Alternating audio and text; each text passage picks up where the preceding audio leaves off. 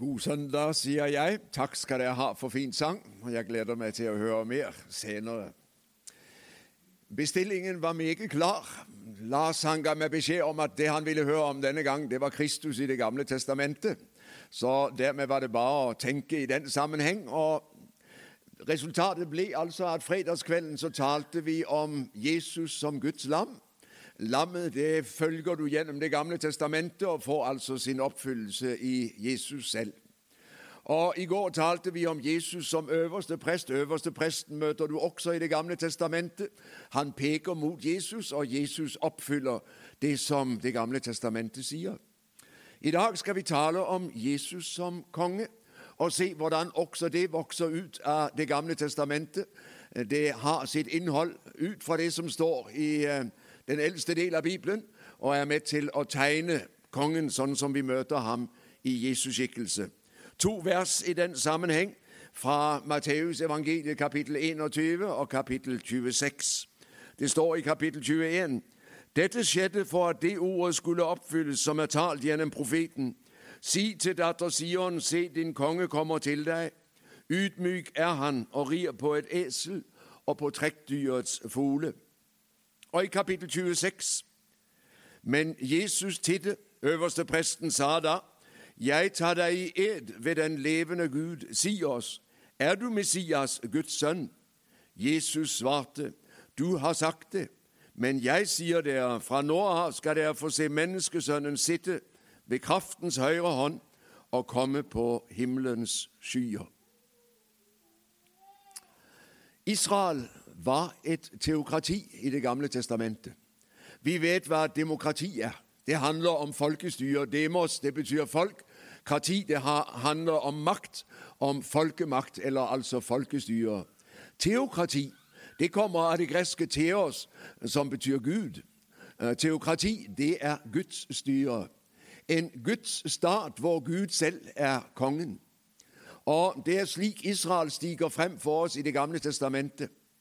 Moses er den som henter folket ut av trelldommen i Egypt. Ved Sinai er han redskapet til at det sluttes pakt mellom Gud og Israel, og Gud blir Israels konge.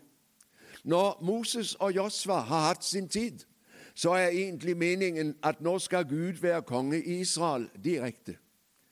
Eh, men på et visst tidspunkt så kommer Israel til profeten Samuel og sier Gi oss en konge som de andre folkene omkring. Vi vil ha det sånn som dem. Vi vil ha en synlig konge. Samuel han blir meget uh, skuffet og meget lei seg, for han forstår jo at i dette ligger det egentlig en forkastelse av Gud som Israels konge. Men når han vender seg til Herren, du kan lese dette i 1. Samuel kapittel 8, så sier Gud til ham, la dem få det sånn som de vil. Og selv om Samuel altså protesterer, så blir det slik at Samuel salver en konge over Israel. I første omgang Saul. Det går helt elendig. Det er en katastrofe. Så Saul han blir erstattet av David. Og I 1. Samuels bok 16 kan du lese hvordan Samuel går av sted og salver David til konge i Betlehem. Så er det veldig interessant, for David har en meget trang vei frem til kongedømmet. Leser du 1. Samuels bok, kapittel 20-30, så kan du lese hans lidelseshistorie. Det er så visst ikke noen enkel vei til kongedømmet, selv om han er salvet til konge av Herren selv gjennom Samuel. Og På den måten blir David et forbilde på ham som han varsler, nemlig Jesus selv. Hans vei til kongemakten går også gjennom lidelse, og David er forbilde. Omsider blir David konge, og han blir mønsterkongen. Å ja, vi vet mye galt om David. Eh, første, eller Samuelsbøkene forteller det. Men tross alt så blir han altså den kongen som har Guds velbehag. Han synder, han faller, men han lever åpent med Gud. Og han tar sitt kongedømme av Guds hånd. Og det er hensikten med kongen Israel. Han er konge på Herrens vegne for å tjene folket ikke seg selv. Han står i en midlerposisjon, akkurat som øverste presten. De to embetene følges gjennom Det gamle testamentet og er innsatt av Gud for å tjene Israel. Og på den andre siden nettopp gjennom kongen og presten, kommer Israel til Gud med sin gudsdyrkelse. Så går det helst dårlig. For de kongene som følger etter David, de eh, tar seg til rette på egen hånd. Og igjen og igjen så forteller den gammeltestamentlige historie at kongen blir det motsatte av det han skulle være. Så langt fra å være tjener, så blir han herre, og så utnytter han de folk han var satt til å tjene. Men gjennom dette så vokser drømmen, om du vil, eller håpet, om den kongen som en dag skal komme, og som virkelig skal være konge etter Guds hjerte og til folkets beste. Og Det er det vi kaller Messias-forventninger i Det gamle testamentet. Ut av de utro og ugudelige og vantro konger så vokser drømmen i folket om den gode kongen. Og drømmen blir besvart på den måten at Gud gjennom profetene sier ja, en dag skal han komme. Kongen, den gode kongen, han som virkelig er til for folkets skyld. Og Leser du profetbøkene i Det gamle testamentet, så er det interessant å se hvordan Jesaja, Jeremia, Esekiel, Daniel, Zakaria Den ene profet etter den andre varsler den gode kongen, Messias, Herrens salvede, for det er jo det ordet betyr, Messias, han som Gud har salvet, akkurat som David ble salvet, som tegn på at han er Guds utvalgte, den Gud vil bruke. La meg bare få lov å sitere for deg. Jesaja 7, 14. Jomfruen skal bli fruktsommelig og føde en sønn, og hun skal gi ham navnet Immanuel, Gud med oss. Jesaja 9, 6. Et barn er oss født, en sønn er oss gitt. På hans skuldre skal herredømmet hvile, og hans navn skal være underfull rådgiver, mektig Gud, evig far, freds fyrste.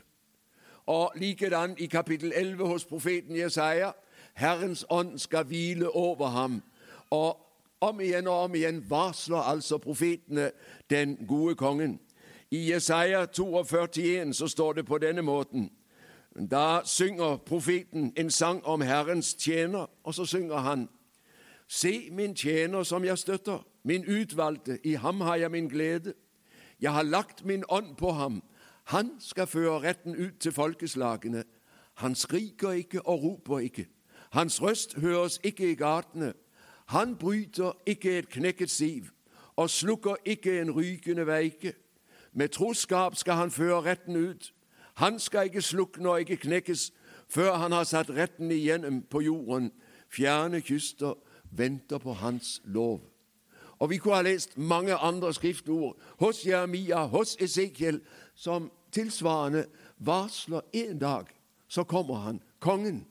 Den kongen som bringer velsignelse, som bringer fred, som bringer frelse.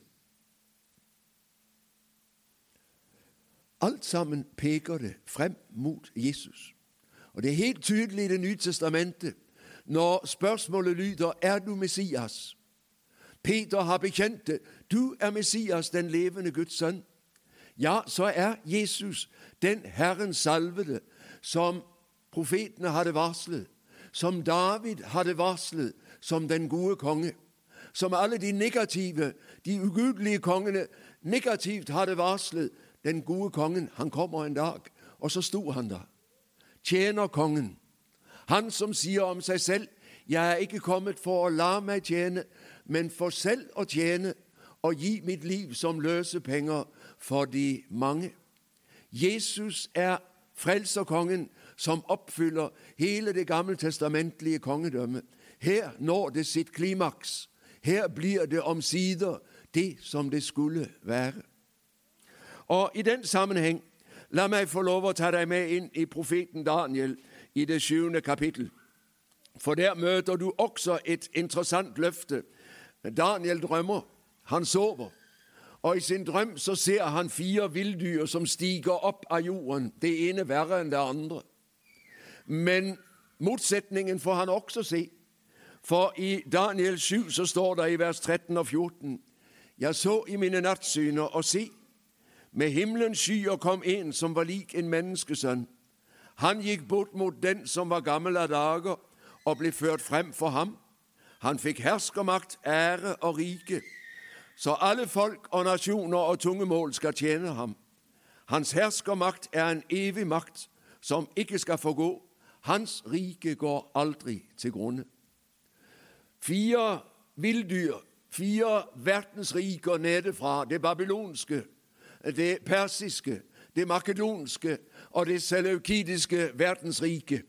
Fire jordiske konger som er villdyr, som eter og erobrer og ødelegger, og som er til for selv å få mest mulig oppmerksomhet og mest mulig makt på alminnelige menneskers bekostning. Hva er Guds svar på villdyrene? Det er menneskesønnen som kommer med himmelens skyer. Og legg merke til den gamle dage gir ham makt og rike. Også en konge. En konge som er annerledes, som ikke kommer nedenfra, som ikke er villdyr, men som er sant menneske. Menneske som Gud skapte det, som det var før syndefallet. Menneske som kommer ovenfra, himmelmennesket. Ham er det Daniel ser. Og det er uhyre interessant.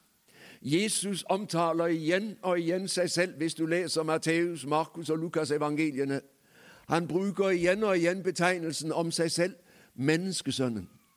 Det er en spennende betegnelse, for på den ene siden så tilslører den Menneskesønnen, det betyr simpelthen menneske. Jesus er et menneske, ja, men samtidig menneskesønnen, det knytter tilbake til Daniel 7. Han som kom med himmelens skyer. Det himmelske menneske. Og så bærer Jesus den personhemmelighet.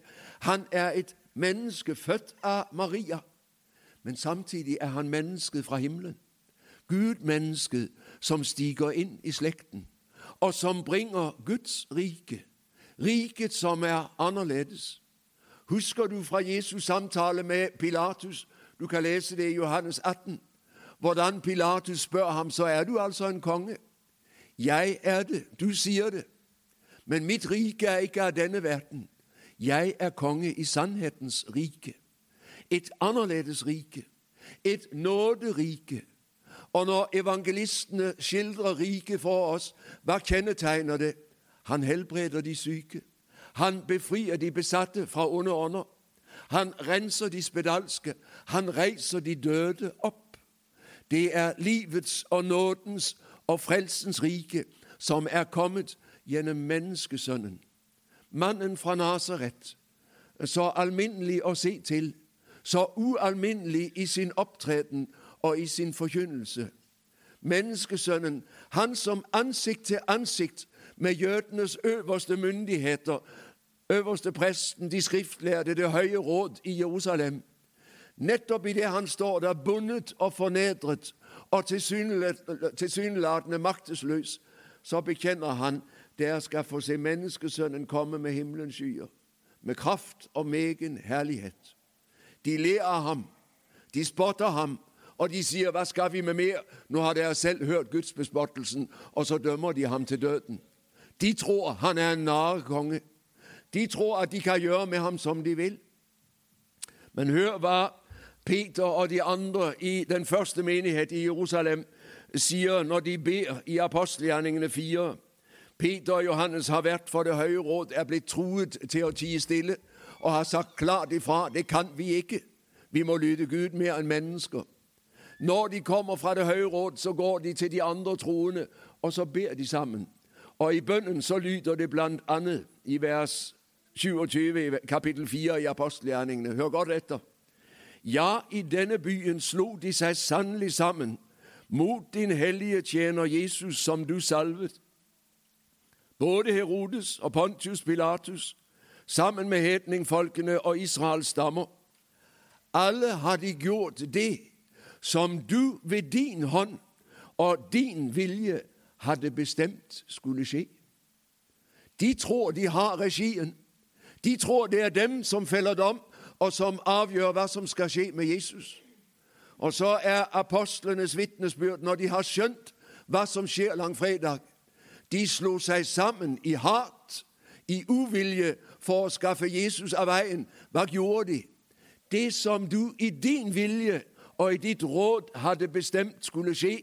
De var nødt til å tjene Guds frelsesvilje, selv om de gjorde det med helt motsatt motiv og i helt motsatt retning. Han er kongen. Han er kongen som er helt annerledes. Han er himmelkongen som kommer som menneske, som deg og meg, men som i det han kommer, er opptatt av én ting ikke å hevde seg, ikke å dominere, ikke å presse og undertrykke, slik vi er så vant til med denne verdens store, den gang og i dag. Nei, han kommer for å tjene, for å gi seg selv i ditt og mitt sted. Og på Golgata fullbyrder han sin kongegjerning. Han bærer bort slektens synd, og han vinner all makt. Kjærlighetens gjenskapermakt. Og han sier det akkurat i dag, er det vel teksten i kirka, tror jeg, fra misjonsbefalingen i Matteus 28. Meg er gitt all makt i himmel og på jord. Hvor vinner han den makten? Den vinner han på korset. Idet han stiger så dypt ned som du og jeg ikke skjønner, går under alle våre synder og vinner frihet og frelse til oss. Han vinner ikke makten ved å tråkke folk under seg. Han vinner ikke makten gjennom militær utfoldelse. Han vinner makten ved å tjene, ved å gi seg selv, ved å gi alt. Og når han har gitt alt, så går han av sted for at denne tjenesten skal nå deg og meg. For at du og jeg skal få del i frukten av hans kongegjerning og få del i hans rik. Jesus er kongen, tjener kongen, som du og jeg frimodig kan overlate oss til. Han kommer aldri til å misbruke sin makt. Han er aldri ute etter å dominere deg negativt. Han er kommet for å reise deg opp.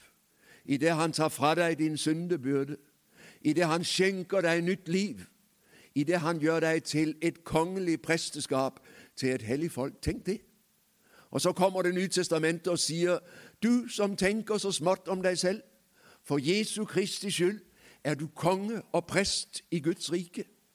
Gud tenker stort om deg. Han tenker så stort om deg at han simpelthen deler makten med deg. Det står noen merkelige ord i Det nye testamentet om at vi som hører Jesus til, vi skal herske med Kristus i den kommende verden. Og Paulus skriver det i 1. Korinterbrev i forbindelse med at de kristne i Korint fører rettssaker mot hverandre. Hør hva han sier i 1. Korinterbrev, kapittel 6. Når en av dere har en sak mot en annen, hvordan kan han da våge å legge den frem for de urettferdige og ikke for de hellige? Vet dere ikke at de hellige skal dømme verden? Hvorfor duger dere da ikke til å dømme i småsaker? Vet dere ikke at vi skal dømme engler? Kan dere ikke da dømme i jordiske saker? Merkelig. Dømme engler. Dømme på gresk og hebraisk betyr også å herske og rå over. Men faktisk så sier altså Det nye testamentet at en dag skal du og jeg tilhøre denne verdens herskere. Og så deler vi skjebne med Kristus i dette at i denne verden så møter vi forakt. Så tråkker folk hen over de som bekjenner Jesu navn. Masser av dem blir forfulgt rundt om i verden i dag.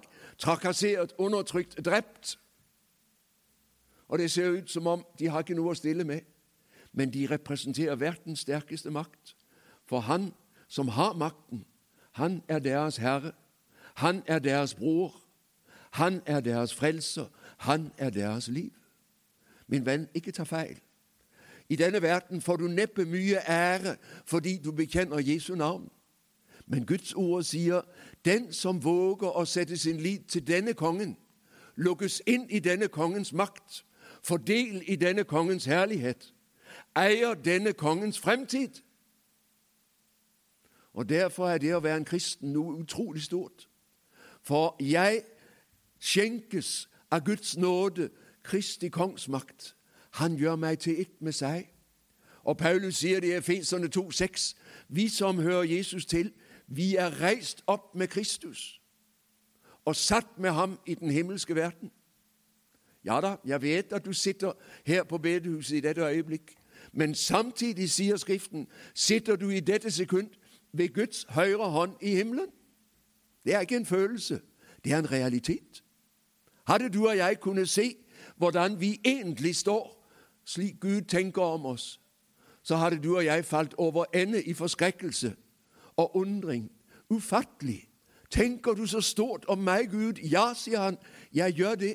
Du er grenseløst dyrebar i mine øyne. Så dyrebar at jeg vil dele all min herlighet med deg. Sitter du her og sliter med mindreverdskomplekser, tenker jeg betyr ingenting, jeg er ikke verdt noe, og har fått det bekreftet gjennom mobbing og erting opp igjennom. Du er ikke verdt noe. Hør hva Jesus sier om deg. Du er verdt så mye at jeg river himmelen i stykker, blir menneske og dør på korset for din skyld.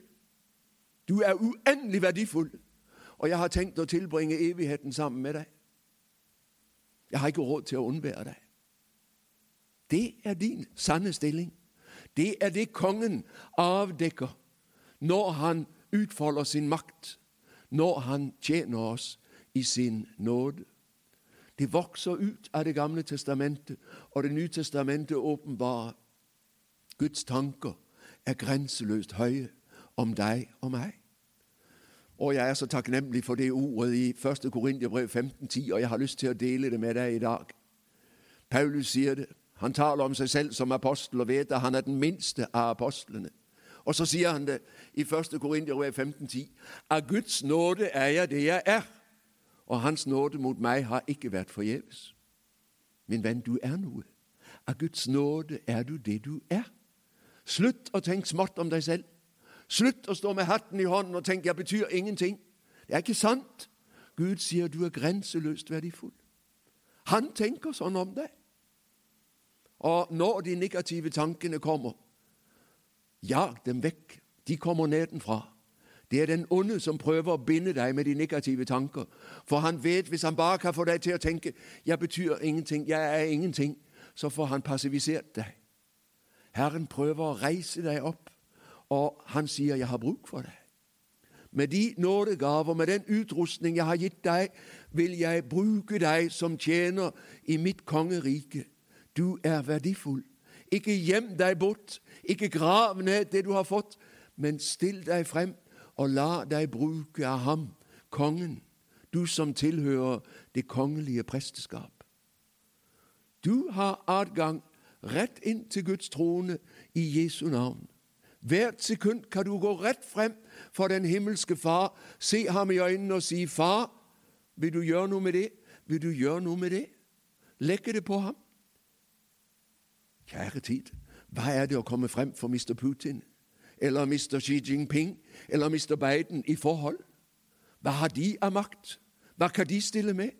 Du og jeg kan gå rett inn, folde hendene og si, 'Far, du ser barna mine, du ser barnebarna mine, du ser bygda mi, du ser folket vårt.' Og Gud har sagt, 'Jeg hører. Jeg hører hva du sier, og jeg handler på det.' For så mye betyr du at dine bønner når mitt øre og mitt hjerte. Du er viktig for meg. Jesus er kongen, og du og jeg er lukket inn i Hans rike av nåde, i kraft av Hans korsdød og Hans oppstandelse. Og vi skal en dag dømme verden sammen med ham. En ufattelig tanke. Men slik taler altså Det nye testamentet. Derfor, vær frimodig, min venn, og tilhør Guds rike. Det gir deg ikke status i denne verden, men det gir deg en uendelig status i den evige verden. Og den dag denne verden når sin grense, og det var ikke så lenge, tror jeg, den dag skal det vise seg det var de som satset på Jesus, som satset rett. For det var ham som eide den kommende verden, og som skaper den. Og du og jeg skal få lov å dele den med ham, i glede, i lovsang og i tilbedelse. Det venter noe uendelig stort på deg og meg et lite stykke lenger fremme av veien.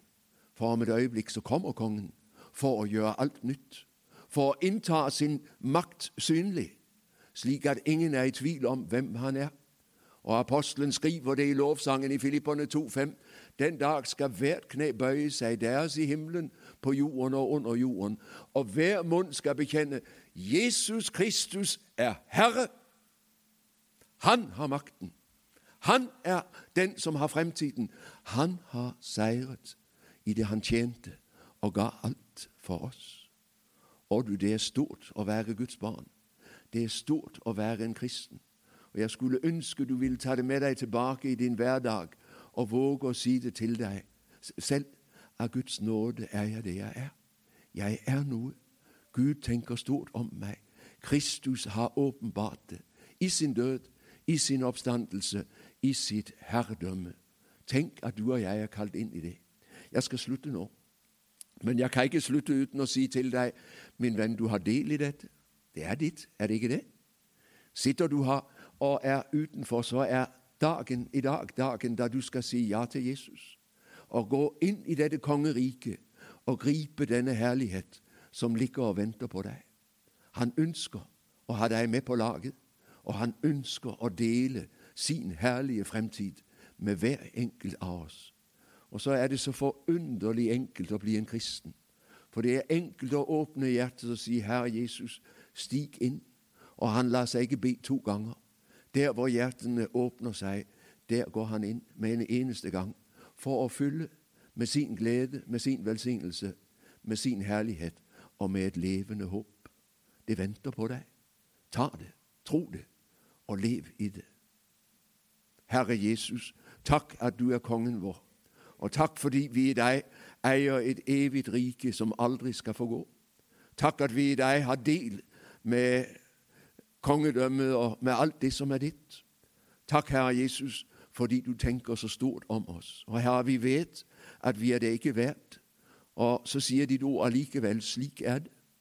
Hjelp oss til å våge å gripe det og leve i det fra dag til dag. Amen.